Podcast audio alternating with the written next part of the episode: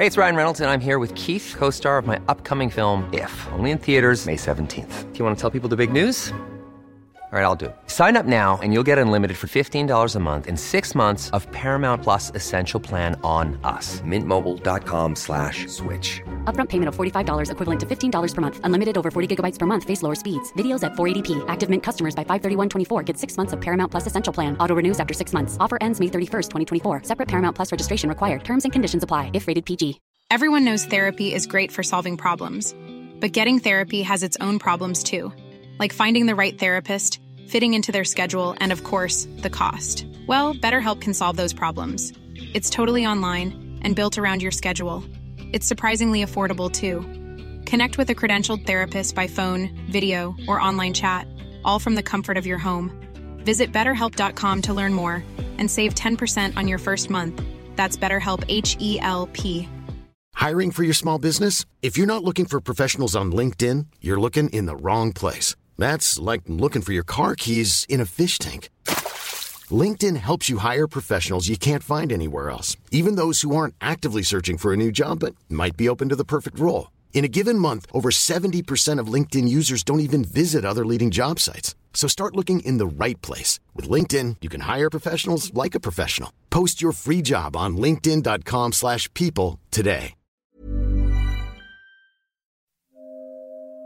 Tragedin som skakat Boden började med att en 20-årig kvinna försvann spårlöst i början av maj efter att hon skrivit på Facebook att hon skulle jogga och därefter plugga hos en kamrat. Vi, vi följer upp tips som kommer in. Vi eh, jobbar också aktivt med att eh, kontakta anhöriga, eh, vänner för att eh, kartlägga vad, som, vad som kan ha hänt. Det är fantastiskt den här eh, föreningen Missing People, att de gör en så bra insats. Vi letar av den starka drivkraften för att vi vill ge de anhöriga svar. De anhöriga är ju förtvivlade och vet inte vad som har hänt. Och igår så meddelade polisen att de hittat kroppsdelar i en byggnad i utkanten av Boden och mycket tyder på att det kan Och sen är det då händer som är borta från den avlidnes kropp.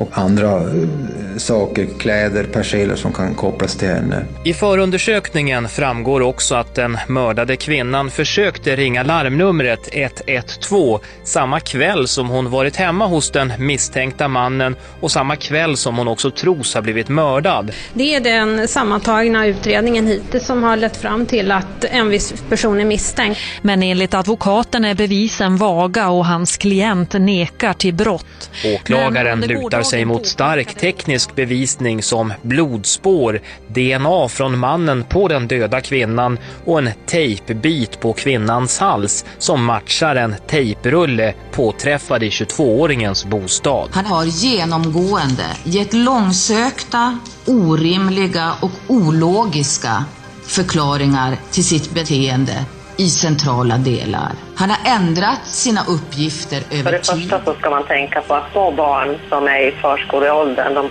de behöver verkligen skyddas från att höra om det här. Kan det vara rent inte- skadligt alltså? Ja, alltså de Jag kan säga att eh, det är den största utredningen i Norrbotten som krävt enorma personella resurser.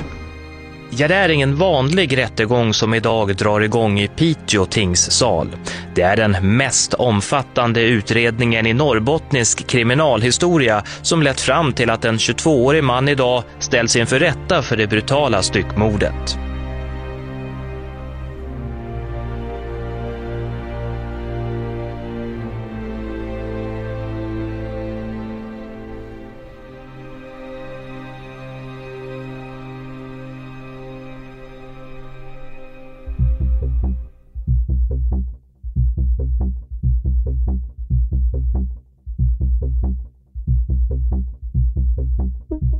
Den 4 maj 2013 uppdaterar 20-åriga Vatchareeya Bangsuan sin Facebook-sida där hon skriver att hon ska iväg och motionera och sedan plugga hemma hos en kompis.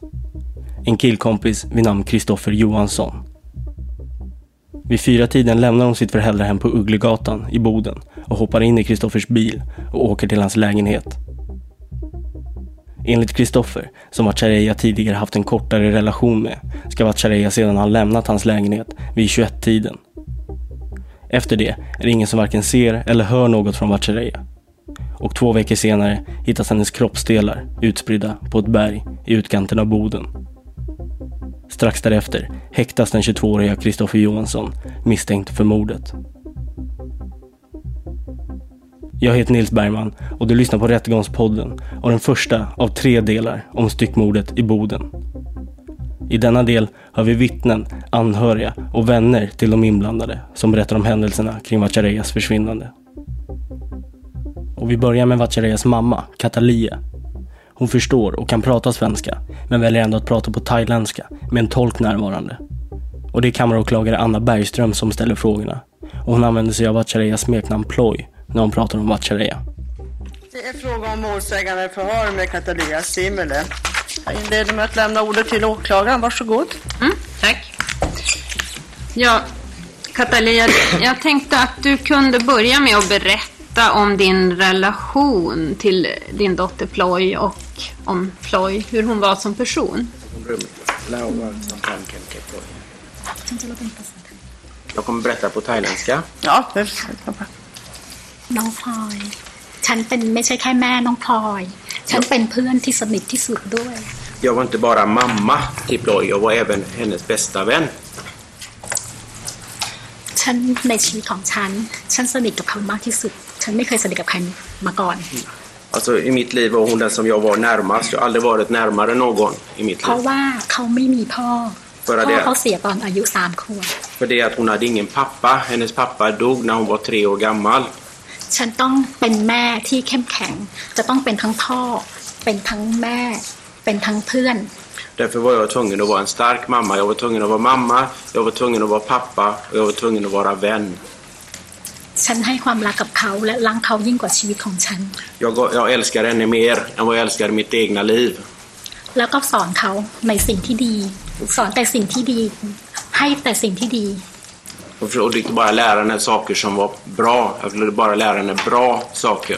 น้องพลอยเป็นเด็กที่สุภาพเรียบร้อย Och så Poj då, eller Poj. Hon var alltså en väldigt artig flicka och en bra flicka.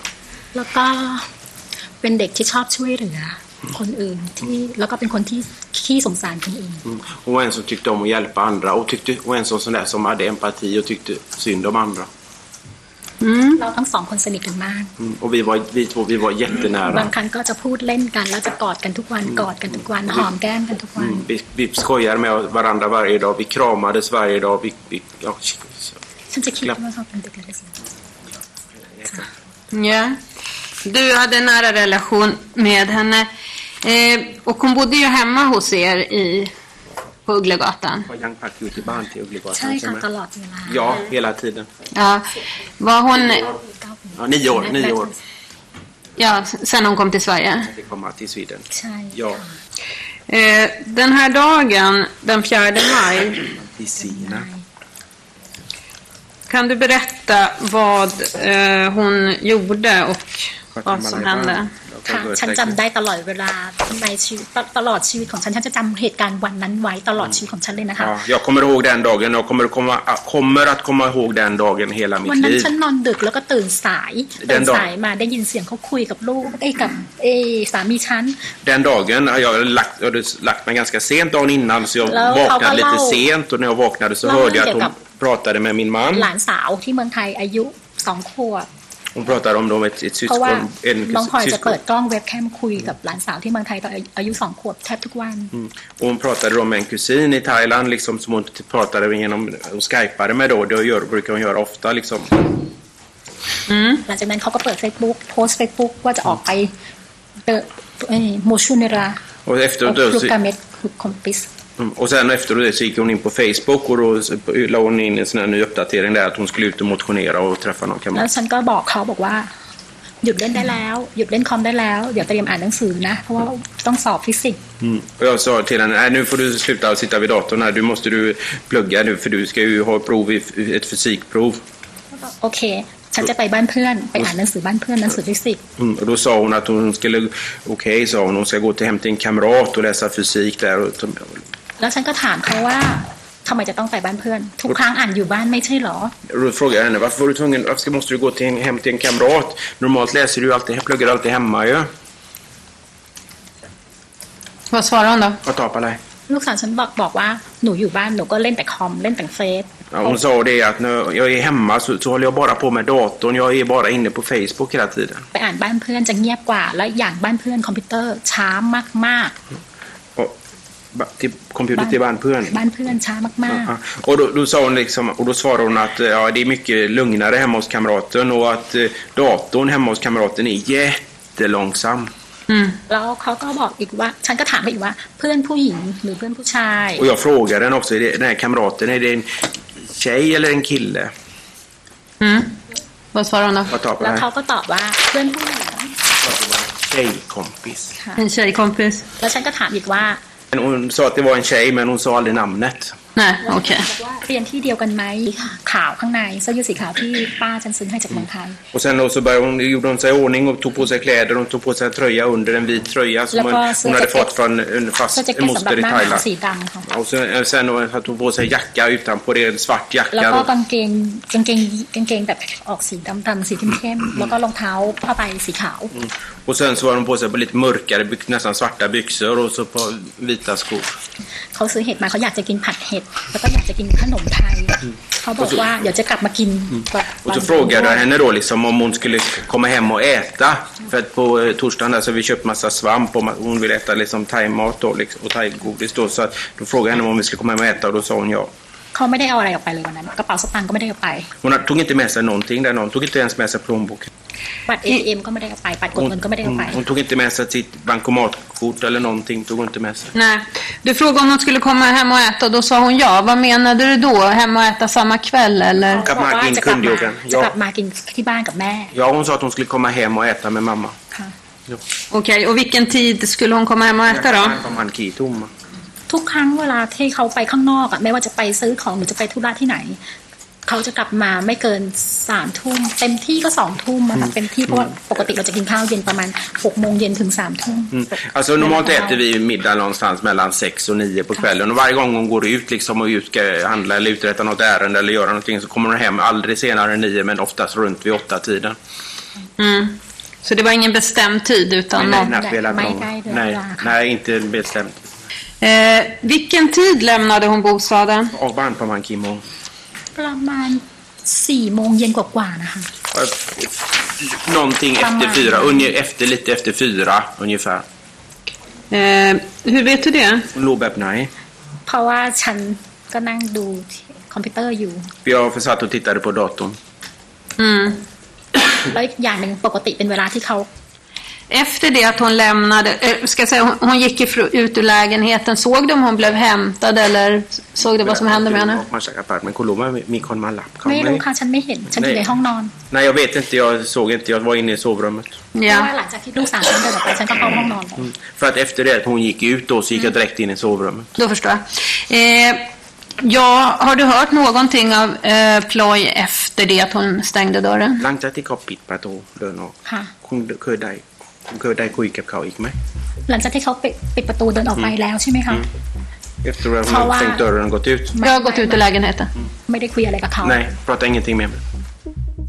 Det är Kristoffer som Vatchareeya bestämt sig för att åka hem till och plugga hos.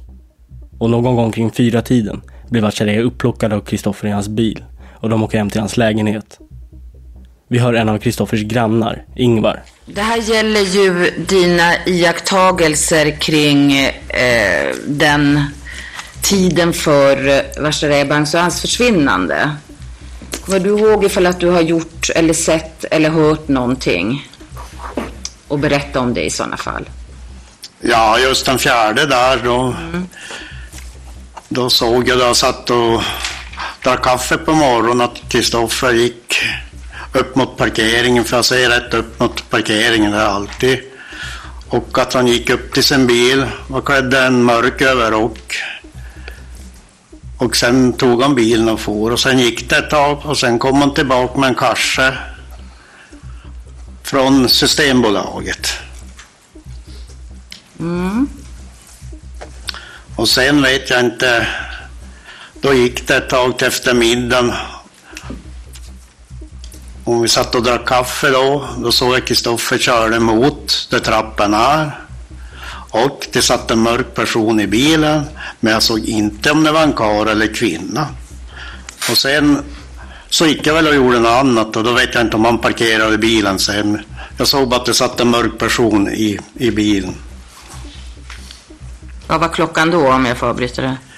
Ja, vad ska tro? Två, tre tiden, tre, närmare tre ska jag tro. Det var då på eftermiddag. Mm. Ja. Är det det du har sett? Ja. Okej. Okay. Nästa anmärkningsvärda händelse sker 17.09 då man genom mobilmasternas signaleringslistor kan se att Vatchareeya försökt ringa 112 men råkar trycka stjärna istället för ringknappen. Och i samma veva skickar hon även iväg ett flertal sms till sin karatetränare. Och varför hon kontaktar just honom kommer vi komma in på mer senare. Men om vi börjar med de här sms-konversationen den eh, fjärde på eftermiddagen, kvällen. Eh, jag vet ju, du ju hörde om det här. Kommer du ihåg någonting om innehållet i de här smsen från Vatchareeya? Inte något mer än vad jag, vad jag sa i förhöret.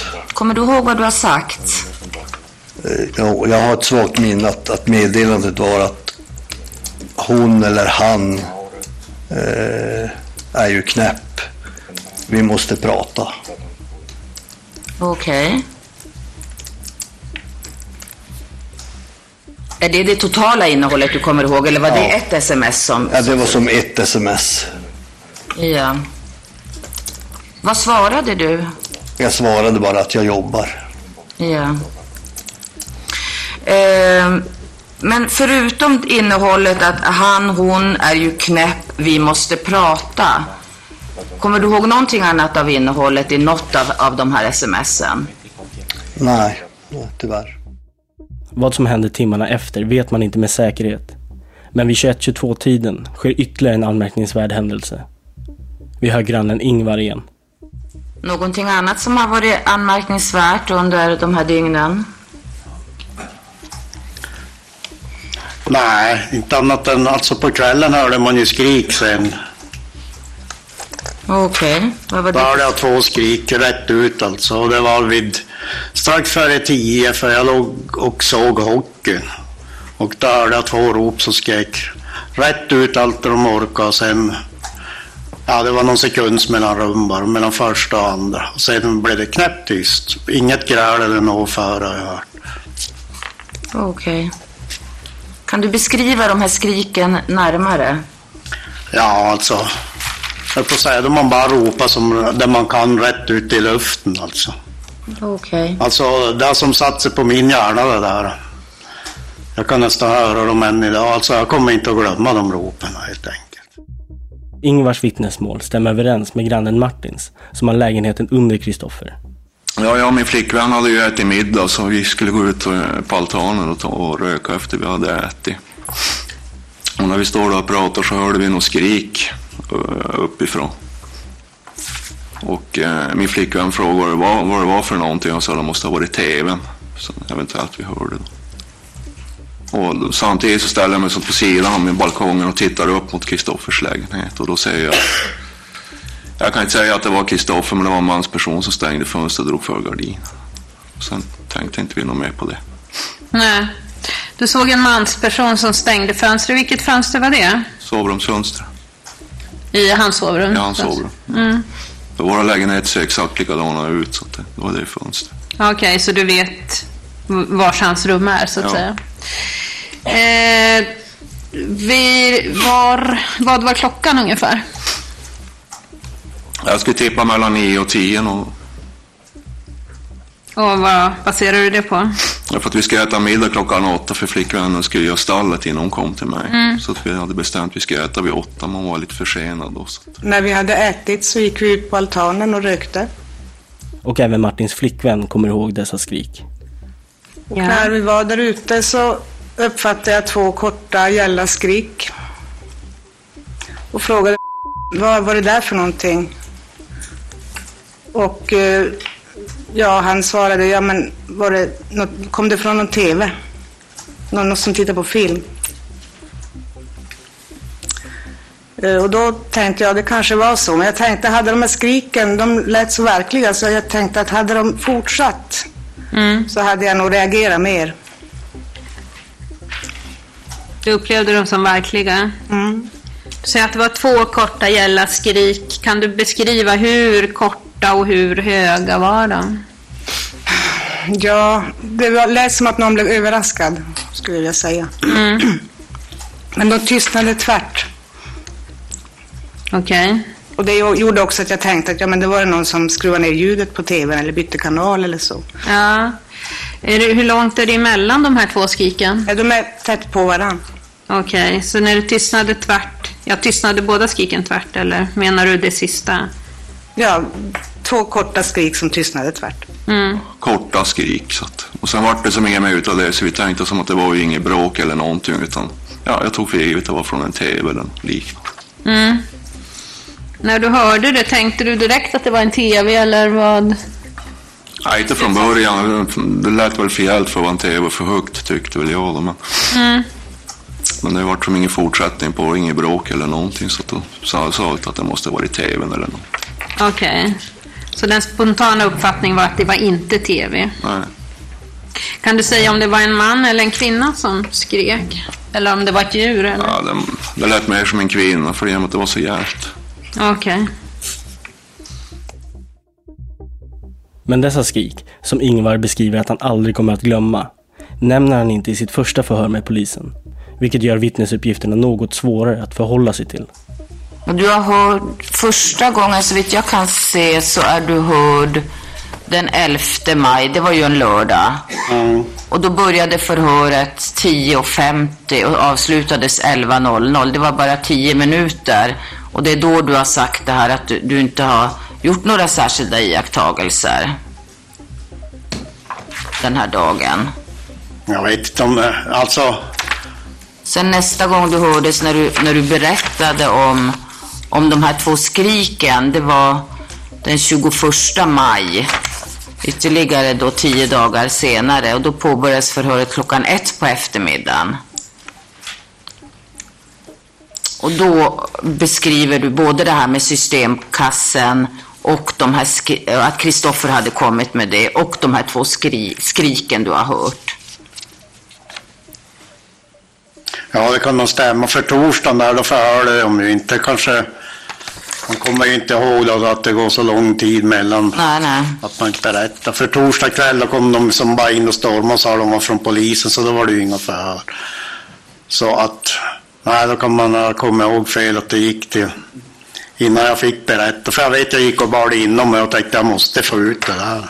Okej, var det du som då tog kontakt med polisen själv? Ja, de var på gården och då, då kom de ju som jag höll mig framme så de skulle se men jag var ute så att Okej. då satt vi på utemöblerna och tog det där för att jag måste få berätta det. Aha. Ja.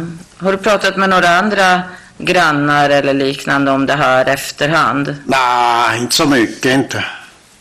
Det är klart det pratas ju, alltså småpratas, det är ju Mm. klart. Och ju, hela Boden pratar väl om det. Jo, det är sant. Ja. Men du, är det några särskilda grannar du har pratat med och i så fall vem eller vilka? Nej, det är inga särskilda. Det är som jag har pratat med. Okej, Det är min sambos pojke så det är klart vi har pratat. okej. Så Det är din sambos... Jag och pojk. Ja. Det är inte så att du har blivit, blivit säkrare på tidpunkt eller så genom att samtala med här? Nej, nej, utan det där... Den här tiden, jag kommer så väl ihåg att det var en hockeymatch och det där, så jag vet att det var den fjärde. Och, Okej. Ja. ja, det kommer jag så väl ihåg. Jag såg Sverige-Tjeckien. ja. Sverige-tjeckerna spelade? Ja. Okej. Och inte heller grannen under, Martin, berättar om skriken under sitt första förhör. Eh, det första förhöret, då berättar du ingenting om, om de här skriken. Har du någon förklaring till det? Ja, jag visste ju inte att det var Kristoffer ni var ute efter då. För den här kvällen var det lite livat här och där i, för det var ju hockey-VM den kvällen. Så att det, det var några andra grannar som var ute och grillade bland annat. Och så. Okej. Så att, Så du, ja, vi upplevde ju alla att det var någon bråk direkt heller så att, så att vi reflekterade ju så mycket mer på det. Så. du tänkte inte att det var tillräckligt anmärkningsvärt för att Nej. berätta? Nej. Du säger att du och och din, är ni sambos eller Jag är väl serbos kan man kalla det. särbo? Eh, ni har pratat om det här tillsammans förstår jag? Ja, efter att vi har gjort det. Mm. Eh, men de här eh, ljuden och det du berättar, är det sånt som du eh, själv kommer ihåg så att säga? Eller är det något som ni har pratat och så känns det okej? Nej, nej, nu hörde jag ljuden där också. Det är ingen tvekan om det? Grannarna verkar dock säkra på att de har hört skrik.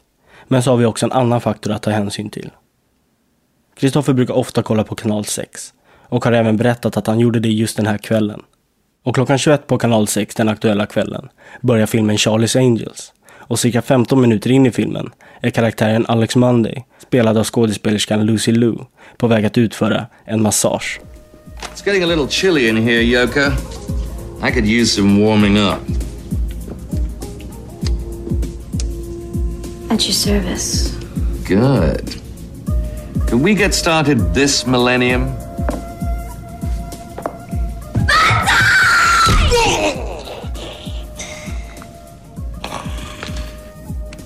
Oh, yeah. You're holding a lot of tension in your fourth and fifth vertebra. Oh, Let me see if I can... Ett högt skrik följt av lågmäld dialog. I domen som senare kommer att utfärdas står det att det inte går att utesluta att det kan ha varit detta skrik som grannarna har hört.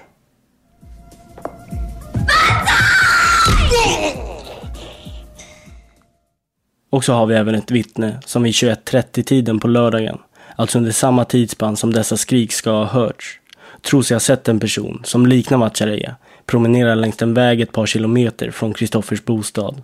Eh, jag, min man, mina barn var på väg hem ifrån eh, eh, bekanta i Luleå som vi hade varit och hälsat på.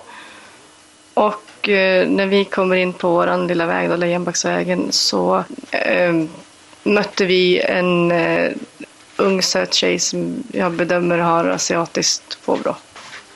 Vilken tid var det här? Eh, jag är inte jättesäker på klockslaget, men runt 21.30. Runt 21 då.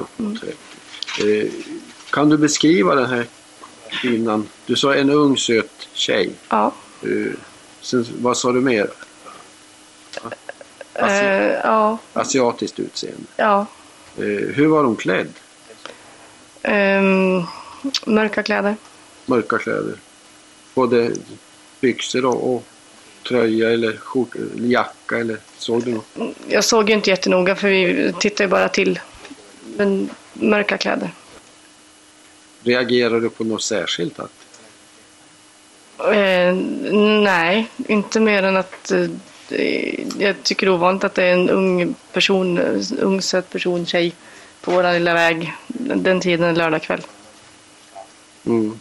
Vet du vart och vilket håll hon var på väg? Eh, ja, vi mötte ju henne och vi hade inte hunnit hem ännu. Så jag bedömer att, jag, jag tror att hon var på väg mot Lorvenvägen, korsningen Lejonbacksvägen, Lorvenvägen. Men även detta är svårt att förhålla sig till, då vittnet är osäker på att det är just Vatchareeya hon har sett. Och Vatchareeya var givetvis inte den enda i Boden med asiatiskt ursprung. Jag tänker, du, du har väl förmodligen sett bilder på den här avlidna kvinnan, unga kvinnan, Vashareya Bangsoan. Ja.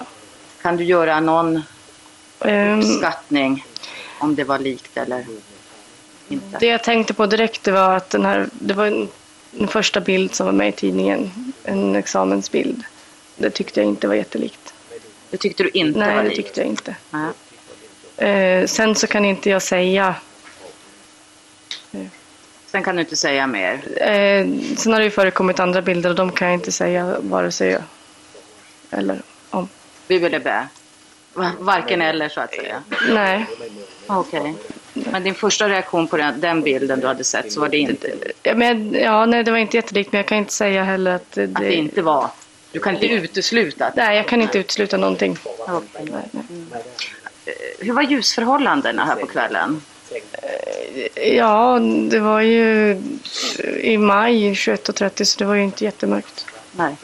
Var det skymning kanske? Jag minns inte. Nej. Fick du en, en eh, bra bild av, av hennes ansikte? Nej.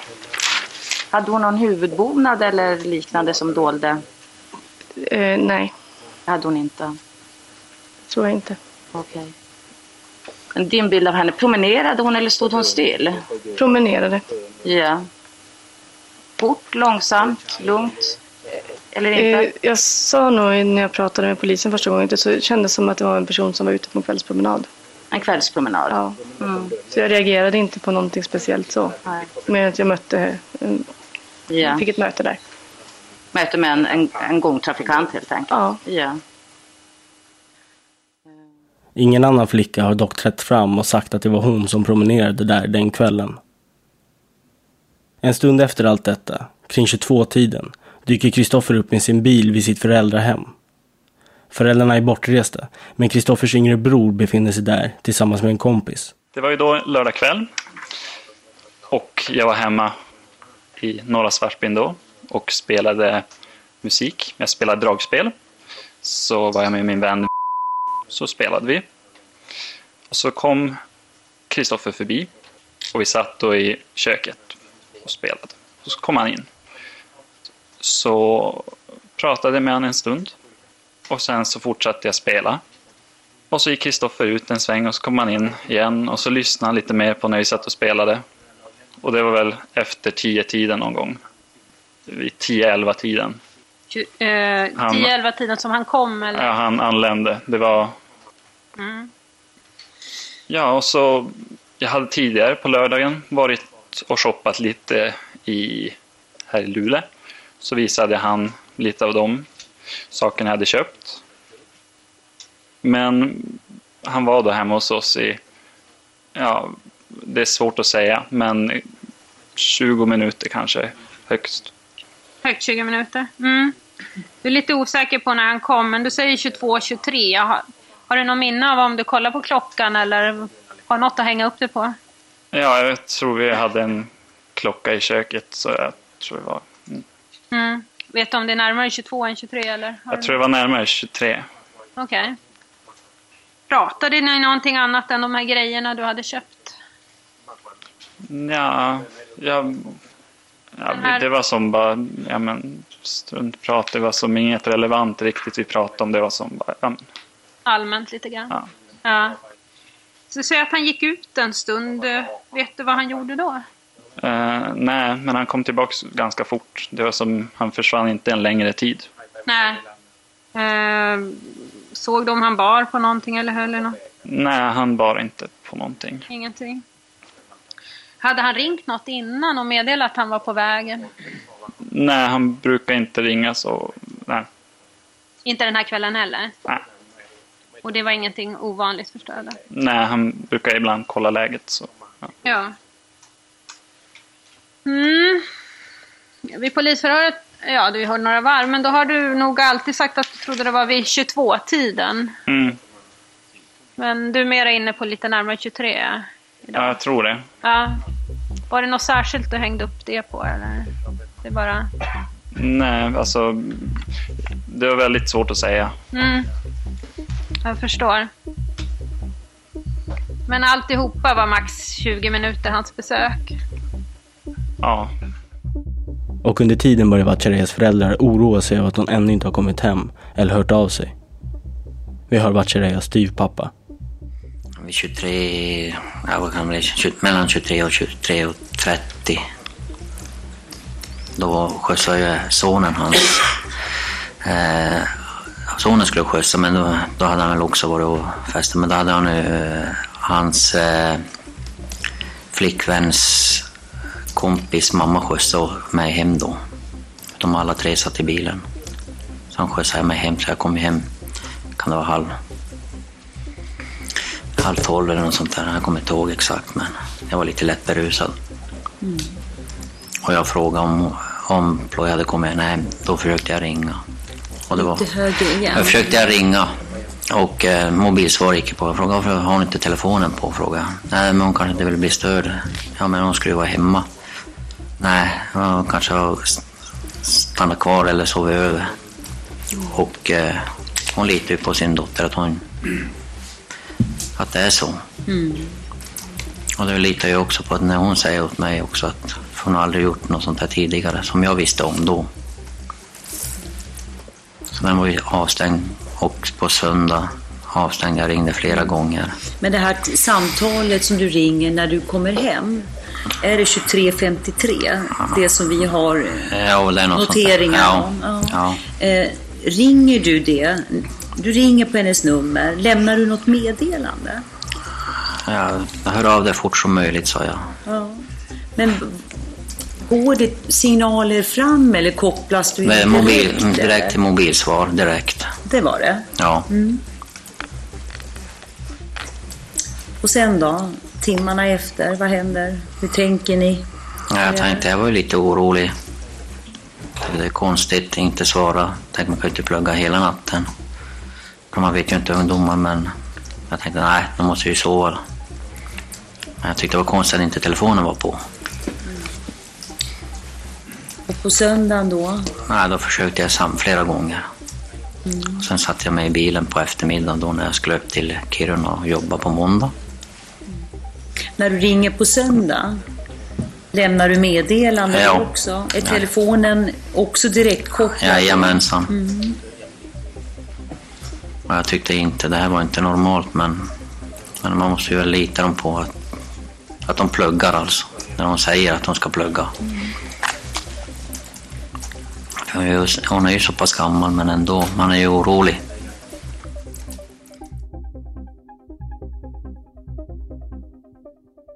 Söndagen den 5 maj, dagen efter att Vatchareev åkte hem till Kristoffer för att plugga, åker Kristoffer hem till sin kompis, som vi kan kalla A.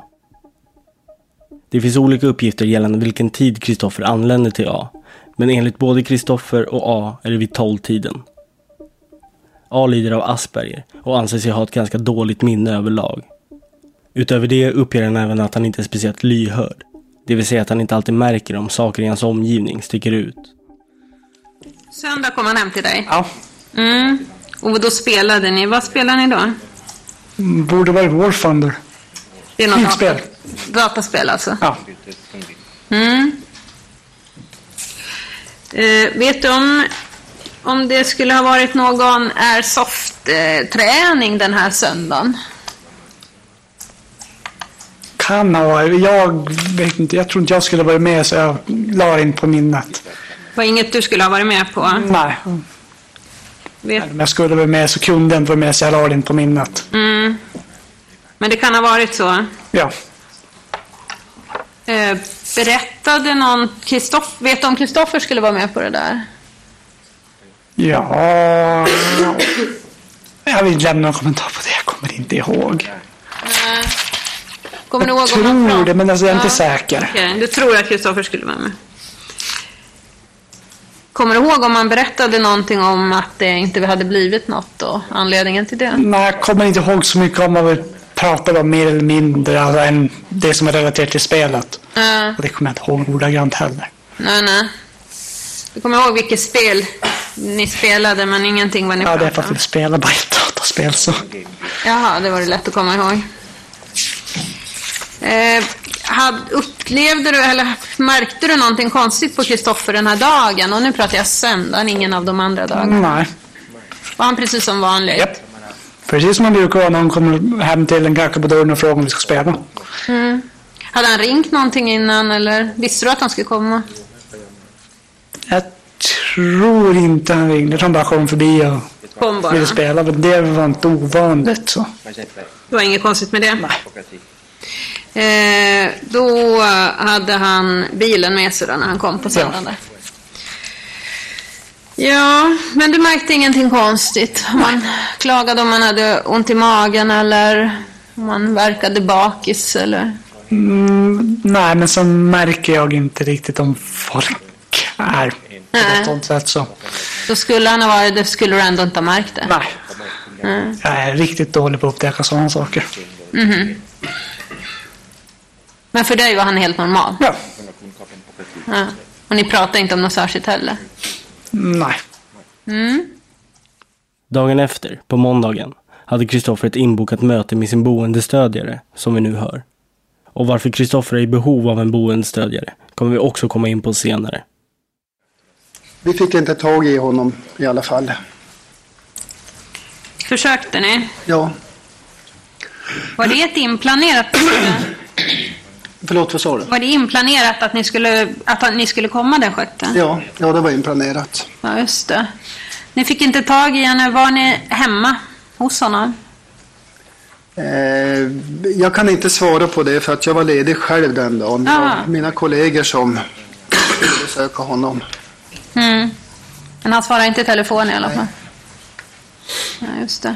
De här mm, besöken, är de planerade i förväg varje så att säga? Veckovis planerar vi det. Ja, så man vet vilken tid ni ska komma? Ja. Är det tanken att eh, personen då, i det här fallet Kristoffer, ska vara hemma då? Ja. Han får inget svar av Kristoffer när han försöker kontakta honom under måndagen. Och försöker igen på tisdagen, den sjunde. Jag kom dit, jag tror det var vid halv tolv tiden. Mm. Och eh, knackade på som vanligt och Kristoffer ropade till.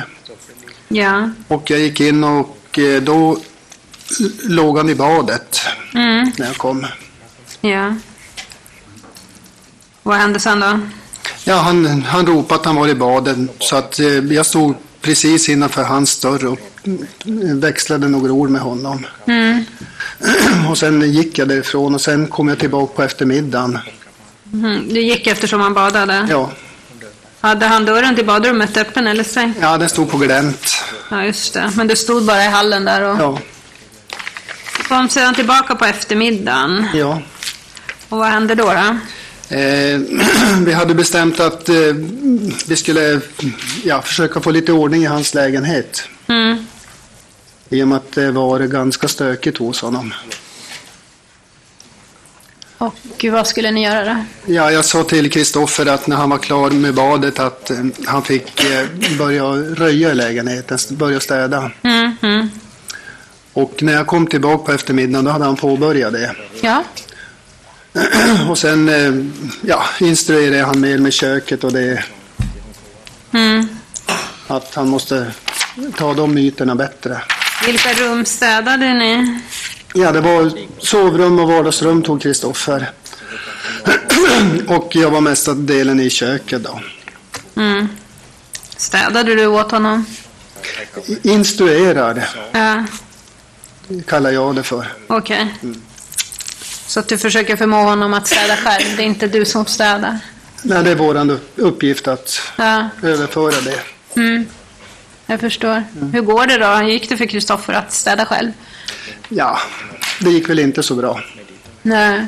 Men när du liksom uppmanar och Ja, när uppmuntrar? man är med och uppmanar och pushar så att säga, då, Mm. då går det bättre.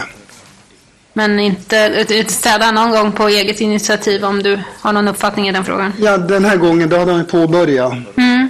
städningen. Vad, vad hade han påbörjat då? Ja, det var i vardagsrummet han höll på då. Vad gjorde han? Ja, dammsög. Jaha, han dammsög. Mm. Hade du sagt det till honom när du var in på förmiddagen eller var det helt på eget initiativ? Nej, jag, jag sa det att han skulle påbörja städningen när jag gick därifrån på förmiddagen. Ja. Mm. Och då gjorde han det? Ja. Mm. Eh, såg du, ja, du var ju i lägenheten där på eftermiddagen den sjunde. Såg du om det var någonting annorlunda eller något du reagerade på i lägenheten jämfört med veckan innan? Eh, nej, det kan jag inte påstå. Jag kan Mm. inte dra mig till minnes det. Så det var inget anmärkningsvärt på något sätt? Nej. Han hade ju regel ganska stökigt så att Var det nystädat någonstans i lägenheten? nej, det var jag tänkte Som du på. uppfattade det? Nej. Mm. Har du... eh, Det har, det har varit lite olika uppgifter om vad han har haft för sängar i sin lägenhet. Ja. Kan du berätta vad, vad du har för bild av det? Eh, han hade sin egen säng ståendes längst in i, sovrummet då. Mm. Tvärs över där. Och sen hade han en sängbotten som stod uppställd mot väggen mot vardagsrummet. Mm. Där stod den uppställd. Jaha, i vardagsrummet? Nej, i sovrummet. Ja. Väggen mot vardagsrummet. Ja, förlåt. Ja, du sa det. Mm. Som stod uppställd liksom. På högkant. Ja. Mm. Vad var det för sängbotten? Ja, det var en vanlig resårkärna om jag säger så. Mhm. Hur l- l- länge hade han den? Vet du det? Hade han den ända tills du var där sist? Den, den måste ha försvunnit någonstans där. Ja, dagar och datum är svårt att säga när det försvann. Men den, den försvann i den vevan. I vilken veva? Ja, runt de här datumen, aktuella datumen. Om jag säger så. Okej, så han kan ha haft den ända in i slutet? Ja, jag, jag vill låta det vara osagt. Jag vet att den fanns där tidigare i alla fall. Ja, Men exakt när den försvann, det kan jag inte svara på. okej. Men eh, kan du säga att den försvann, att den var försvunnen den 20 eller 15 eller när du var där i Ja, lägenheten? 20 var den där borta. Mm. Det är du säker på. Innan det då? Ja, jag, jag kan inte svara exakt när. Men den 20 då var den då definitivt borta. Mm. Just det. Men den sjunde, då kan du inte svara. Nej. Cool fact a crocodile can't stick out its tongue. Also, you can get health insurance for a month or just under a year in some states. United Healthcare short term insurance plans, underwritten by Golden Rule Insurance Company, offer flexible, budget friendly coverage for you. Learn more at uh1.com. Hey, it's Ryan Reynolds, and I'm here with Keith, co star of my upcoming film, If, only in theaters, May 17th. Do you want to tell people the big news? All right, I'll do it. Sign up now and you'll get unlimited for $15 a month and six months of Paramount Plus Essential Plan on us. Mintmobile.com slash switch. Upfront payment of $45 equivalent to $15 per month. Unlimited over 40 gigabytes per month. Face lower speeds. Videos at 480p. Active Mint customers by 531.24 get six months of Paramount Plus Essential Plan. Auto renews after six months. Offer ends May 31st, 2024. Separate Paramount Plus registration required. Terms and conditions apply if rated PG. If you thought the only way to get a more defined jawline with natural looking results was through surgery, think again. Juvederm Volux XC is a non surgical injectable gel filler that improves moderate to severe loss of jawline definition and can help you achieve natural looking results with little downtime. Even better, this improved definition lasts up to one year with optimal treatment. No maintenance required. Improve jawline definition for a smooth, sculpted look with Juvederm Volux XC. For important safety information and to find a licensed specialist, visit juvederm.com. That's J U V E D E R M.com. Not for people with severe allergic reactions, allergies to lidocaine, or the proteins used in Juvederm. Common side effects include injection site redness, swelling, pain, tenderness, firmness, lumps, bumps, bruising, discoloration, or itching. There's a risk of unintentional injection into a blood vessel, which can cause vision abnormalities, blindness, stroke, temporary scabs, or scarring. Talk to a licensed specialist to find out if it's right for you. Och sen har vi då ett vittnesmål från ytterligare en granne som gör iakttagelser någon gång, antingen den 7 eller 8 maj, som än idag saknar förklaring. Sidan 169, eh, fjärde stycket. Då, då säger du så här. När vi börjar så smått runda av förhöret uppger att han gjort en iakttagelse runt den 7-8 maj som han inte kunnat sluta grubbla på. Den kan du utveckla Ja, det enda jag har sett är att Kristoffer har backat ner för trappen. Mm. Och så hade han någon kompis med så då var de ner någonting. Men vad det var, det vet jag inte exakt. Nej. Hur såg det ut det du såg? Ja, det var... Grått, vitt någonting och lite avlångt som de bar ner. Mhm. Exakt vet jag inte vad det var. Ungefär storlek? Ja, två personer som bär i alla fall så. Okej. Ingen Mm. aning hur stort det är. Är du säker på att det är Kristoffer du ser? Ja, Mm. Men det var, de var två stycken som bar och vad de bar det vet du inte riktigt. nej inte exakt vad de var. Men det var två stycken. Ja. När du hörde som det så funderade du lite på om det var något skynke eller någonting. Något... Det, det de bar på. Kan du berätta någonting mer precis? Nej, inte mer än att det var någon vit grått som var över. Låg över någonting? Mm. ja,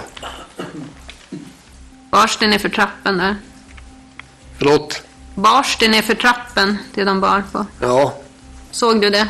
mm. Och var befann du dig då? i köket. Satt och åt.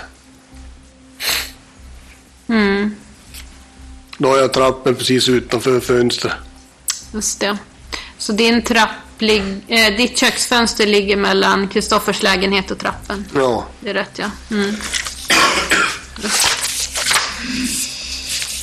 Ja. Uppgifterna är specifika och det verkar som att han är säker på sin sak. I förundersökningsprotokollet finns förhör med vänner och andra personer som på senare tid befunnit sig i Kristoffers lägenhet. Och många, bland annat boendestödjaren som ni nyss hörde, vittnar om att Kristoffer haft ytterligare en säng i sitt sovrum. Många av vännerna är också helt säkra på att Kristoffer haft en bokhylla i vardagsrummet. Och denna syns till och med på gamla bilder tagna i hans lägenhet. Denna bokhylla syntes dock inte till när teknikerna senare kom att göra en undersökning av lägenheten. En annan attiralj som saknas från Kristoffers lägenhet är hans duschdraperi. Och det har spekulerats mycket kring allt detta.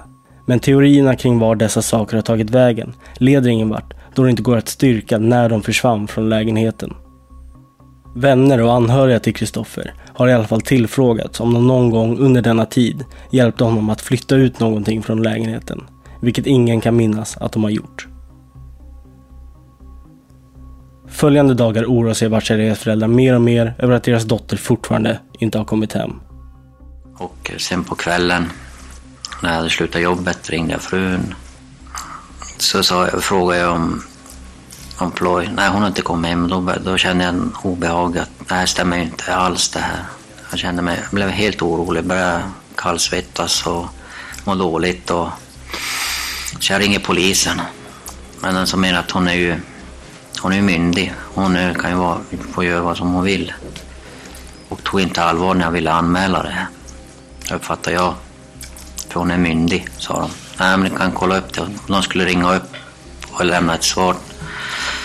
Polisen ringde själv upp till hennes telefon, fick mobilsvar.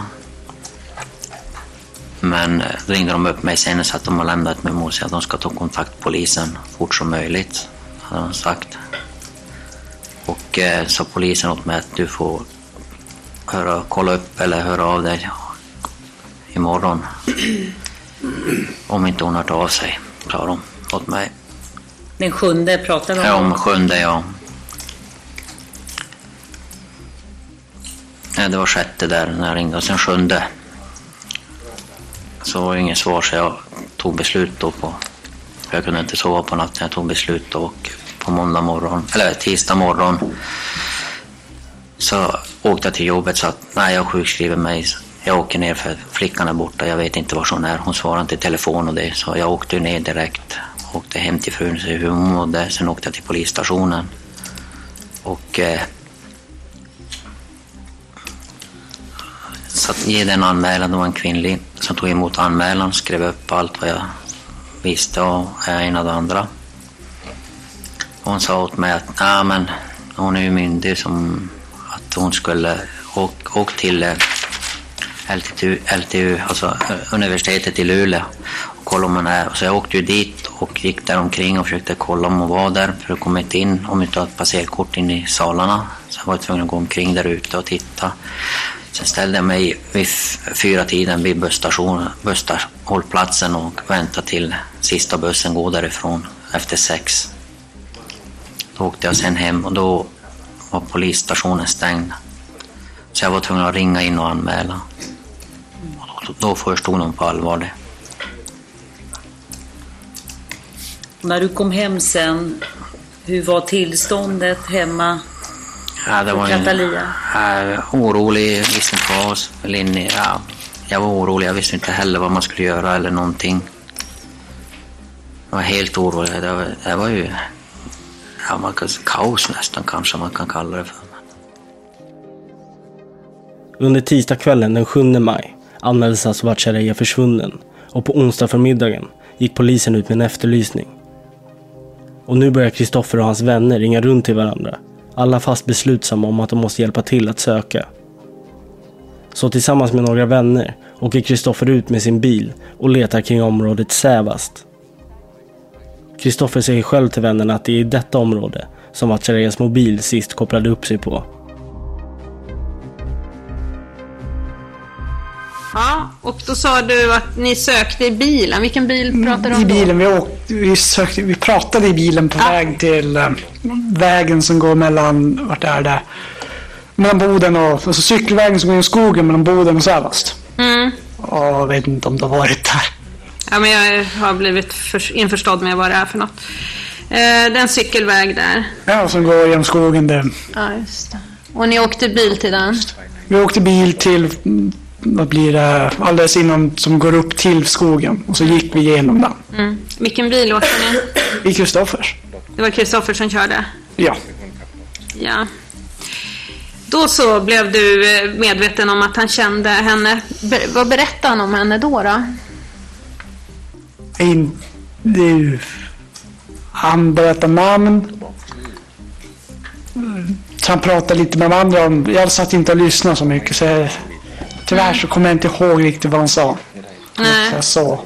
Du kommer inte ihåg något annat än att han sa hennes namn? Ja, och att hon var borta och att han kände henne. Mm.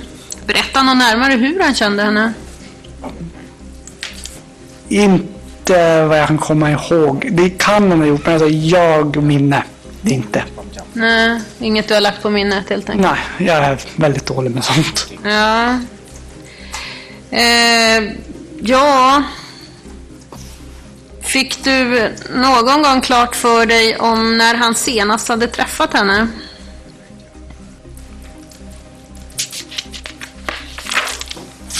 Jag vet inte om det kom fram då eller senare att de hade träffats helgen där, men jag vet inte om det var då eller om det var ett senare tillfälle han pratade om det. Men Mm.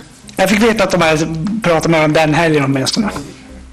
Att de hade pratat varandra med Ja. varandra? Eller att de hade träffats? Hade träffats, pratat, Ja. Fick du klart för dig var de hade, var de hade träffats? var hemma hos Kristoffer som jag förstod det. Okej. Mm. Så då var ni ute och sökte och vet du vilken dag det var? Uh, uh, vad blir det? Dagen innan det... Dagen innan... Natten innan eh, polis och räddningstjänst gick ut och bad om hjälp utifrån. Okej, just det. Så kvällen den 8 maj? Ja, borde varit då. Onsdag? Det, det Ja. stämmer med de andras uppgifter helt enkelt. Det borde vara onsdag. Det verkar rimligt. Ja. Eh, och sen har jag förstått av andra att ni sökte då på den här cykelvägen och sedan åkte ni till brandstationen. Ja.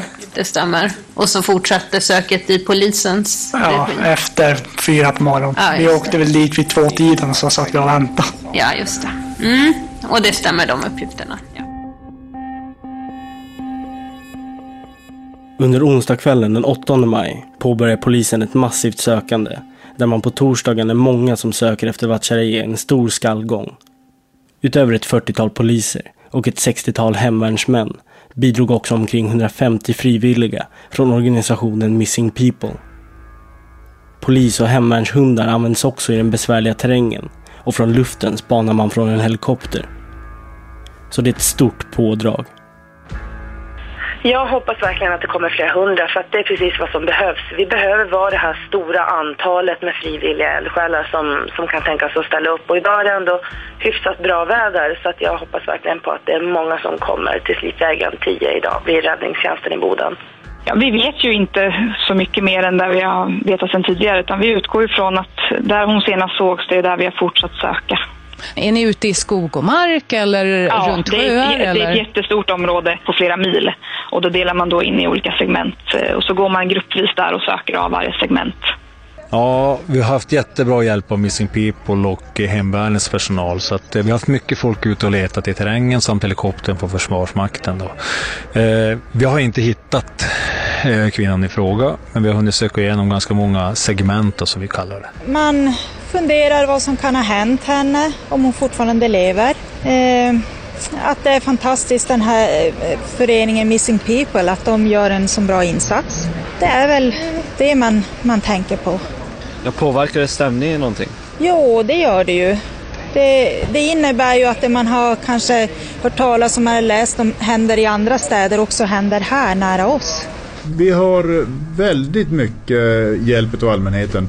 Vi får in mycket tips. Och eh, det är vi tacksamma för. Men sen är vi ju vi är oerhört intresserade av att få in så mycket tips som möjligt. Och vad är det för typ av tips som är värt för allmänheten att ringa in till exempel? Eh, har man sett henne? Har man någon kännedom om någonting? Eh, vilka kamrater umgås hon med? Eh, Etc, etc. Så att vi kan kartlägga henne så mycket som möjligt. Det är viktigt. Det har ju kommit in många tips och vi har ju också gjort ett eget arbete här, här i polisen. Och vad vi gör nu det är att vi, vi söker systematiskt. Vi har ju åkt ut och, och följt upp olika tips tidigare, kanske mera punktinsatser.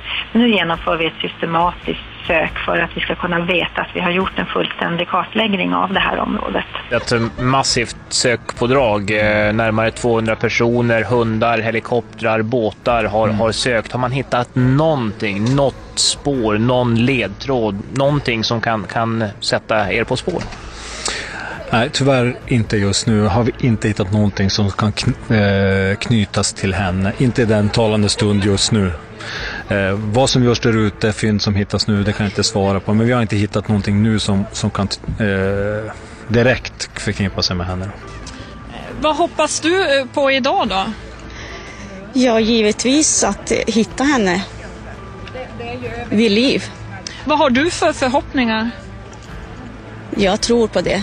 Det har ju gått en tid sedan detta brott har skett och, och det har givetvis eh, försvårat söket. Eh, dels på grund av att det har ju växt väldigt mycket i de terrängområdena som vi har varit i. Och eh, många av eh, de olika värnen och förråden och eh, skansarna med mera har ju varit fyllda med vatten. Och, och det har gjort det svårt för oss att söka men, men vi har ändå Den 10 maj avslutar polisen sitt sök, utan några fynd.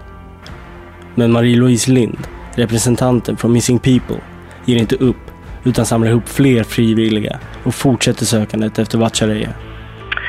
Vi jobbar ju fortfarande med positiv inställning.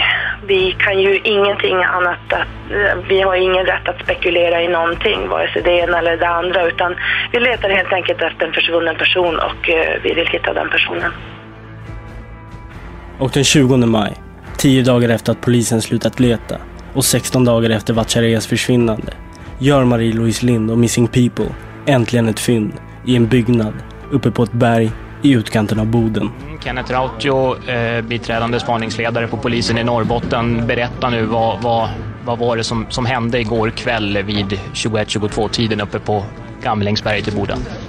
Ja, jag blev ju kontaktad igår kväll av eh, en representant från Missing People vid 20.30-tiden när jag befann mig hemma i bostaden. Och eh, där säger man då att man har hittat, eh, gjort ett fynd i en byggnad uppe på Mjörsjöberget. Och vad var det då det var, de här fynden? Vad visade det sig att det var? Ja, vi gjorde ju så att vi tog dit en polispatrull som spärrade av området och vi tog också dit våra tekniker som undersökte byggnaden där man har hittat mänskliga kroppsdelar. Kroppsdelar? Ja. Eh, inte en intakt kropp alltså? Nej, kroppsdelar. Var du med när fyndet gjordes? Ja, jag var med. Hur eh, känns en sån sak? Det är ju alltid olika för eh, alla människor, men det är klart att ett fynd oavsett vad det är, är ju, kan ju vara väldigt jobbigt. Hur reagerade du?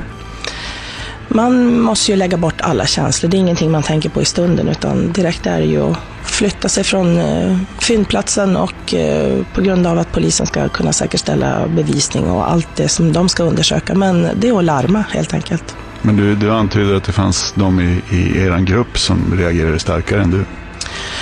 Det är ju svårt att säga också, jag vet ju inte, utan jag vill ju gärna ha ett kristeam på plats, eh, bara utifall att. Och trots att man ännu inte har hunnit identifiera vem kroppsdelarna tillhör, väljer man ändå att meddela Vatchareeyas föräldrar om fynden. Alltså jag, jag, jag hittade hennes hår från, från, som jag hittade från en kam och från sängen, liksom, från kudden. Och det la jag i en burk och så satt jag och luktade på det här, เอากาง hennes เกงลูก hår. มานอนกอด Ja, มานอนหอม Och จ tog นทุก hennes วันนี้ก็ท byxor och det låg och, låg och luk- luktade på hennes byxor och det gör jag för- än idag. ำแล้วคิดจะฆ่าตัวตายตามลูก Mm. Och så ibland tänker jag att jag vill döda mig själv så f- följer jag med barnen.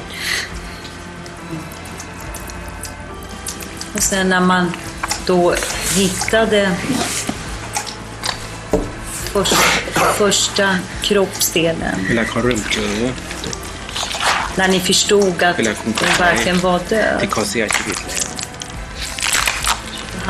berätta om dina reaktioner, även om det är väldigt svårt. ไทยรู้สึกแบบไหนได้อาการแบบไหนเวลาฉันเริ่มยอมรับตั้งแต่ตอนแต่ยังไม่เขาเจอยังไม่เจอศพเขาฉันฉันเริ่มยอมรับว่าเขาเริ่มไปจากฉันแล้วอะ Jag hade redan, jag hade redan förstått det innan. ถามว่าฉันมั่นใจเขาว่าเราร้อยเปอร์เซ็นต์ Jag gör det som ฉันจะไม่เข้า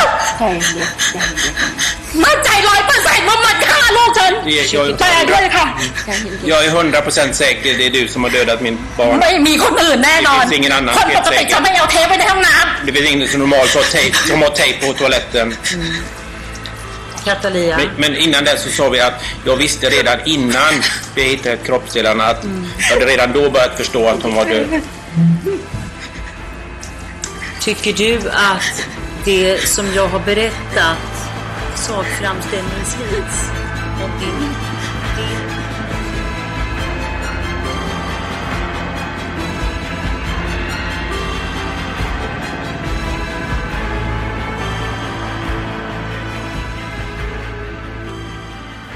Och det kommer visa sig att Kristoffer själv deltar i fyra av fem sök med Missing People och att han dessutom själv vistats uppe i byggnaden där Vatchareyas första kroppsdelar hittas. Mer om det hör ni i del två, där vi alltså kommer höra Kristoffers egna version om vad som hände kring Vatchareyas försvinnande.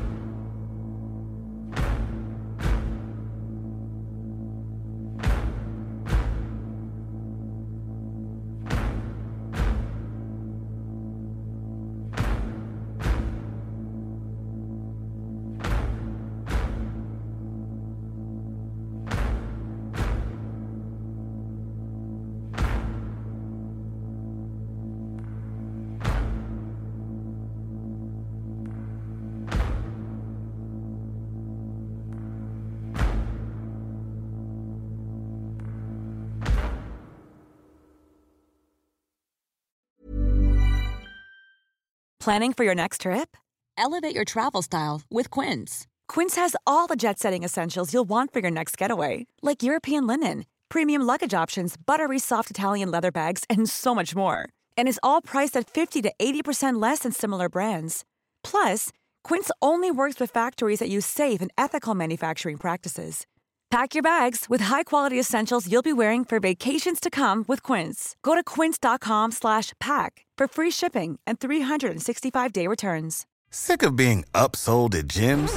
My guy, you're currently a base member. For $90 more, I can upgrade you to our Shred membership. For 130 more, you'll be a swole member. And for just $300 more, you'll reach Sweat Platinum. At Planet Fitness, you'll get energy without the upsell. Never pushy, always free fitness training and equipment for every workout. It's fitness that fits your budget. Join Planet Fitness for just $1 down and $10 a month. Cancel anytime. Deal ends Friday, May 10th. See Home Club for details. Rättegångspodden är en Tall Tale-produktion.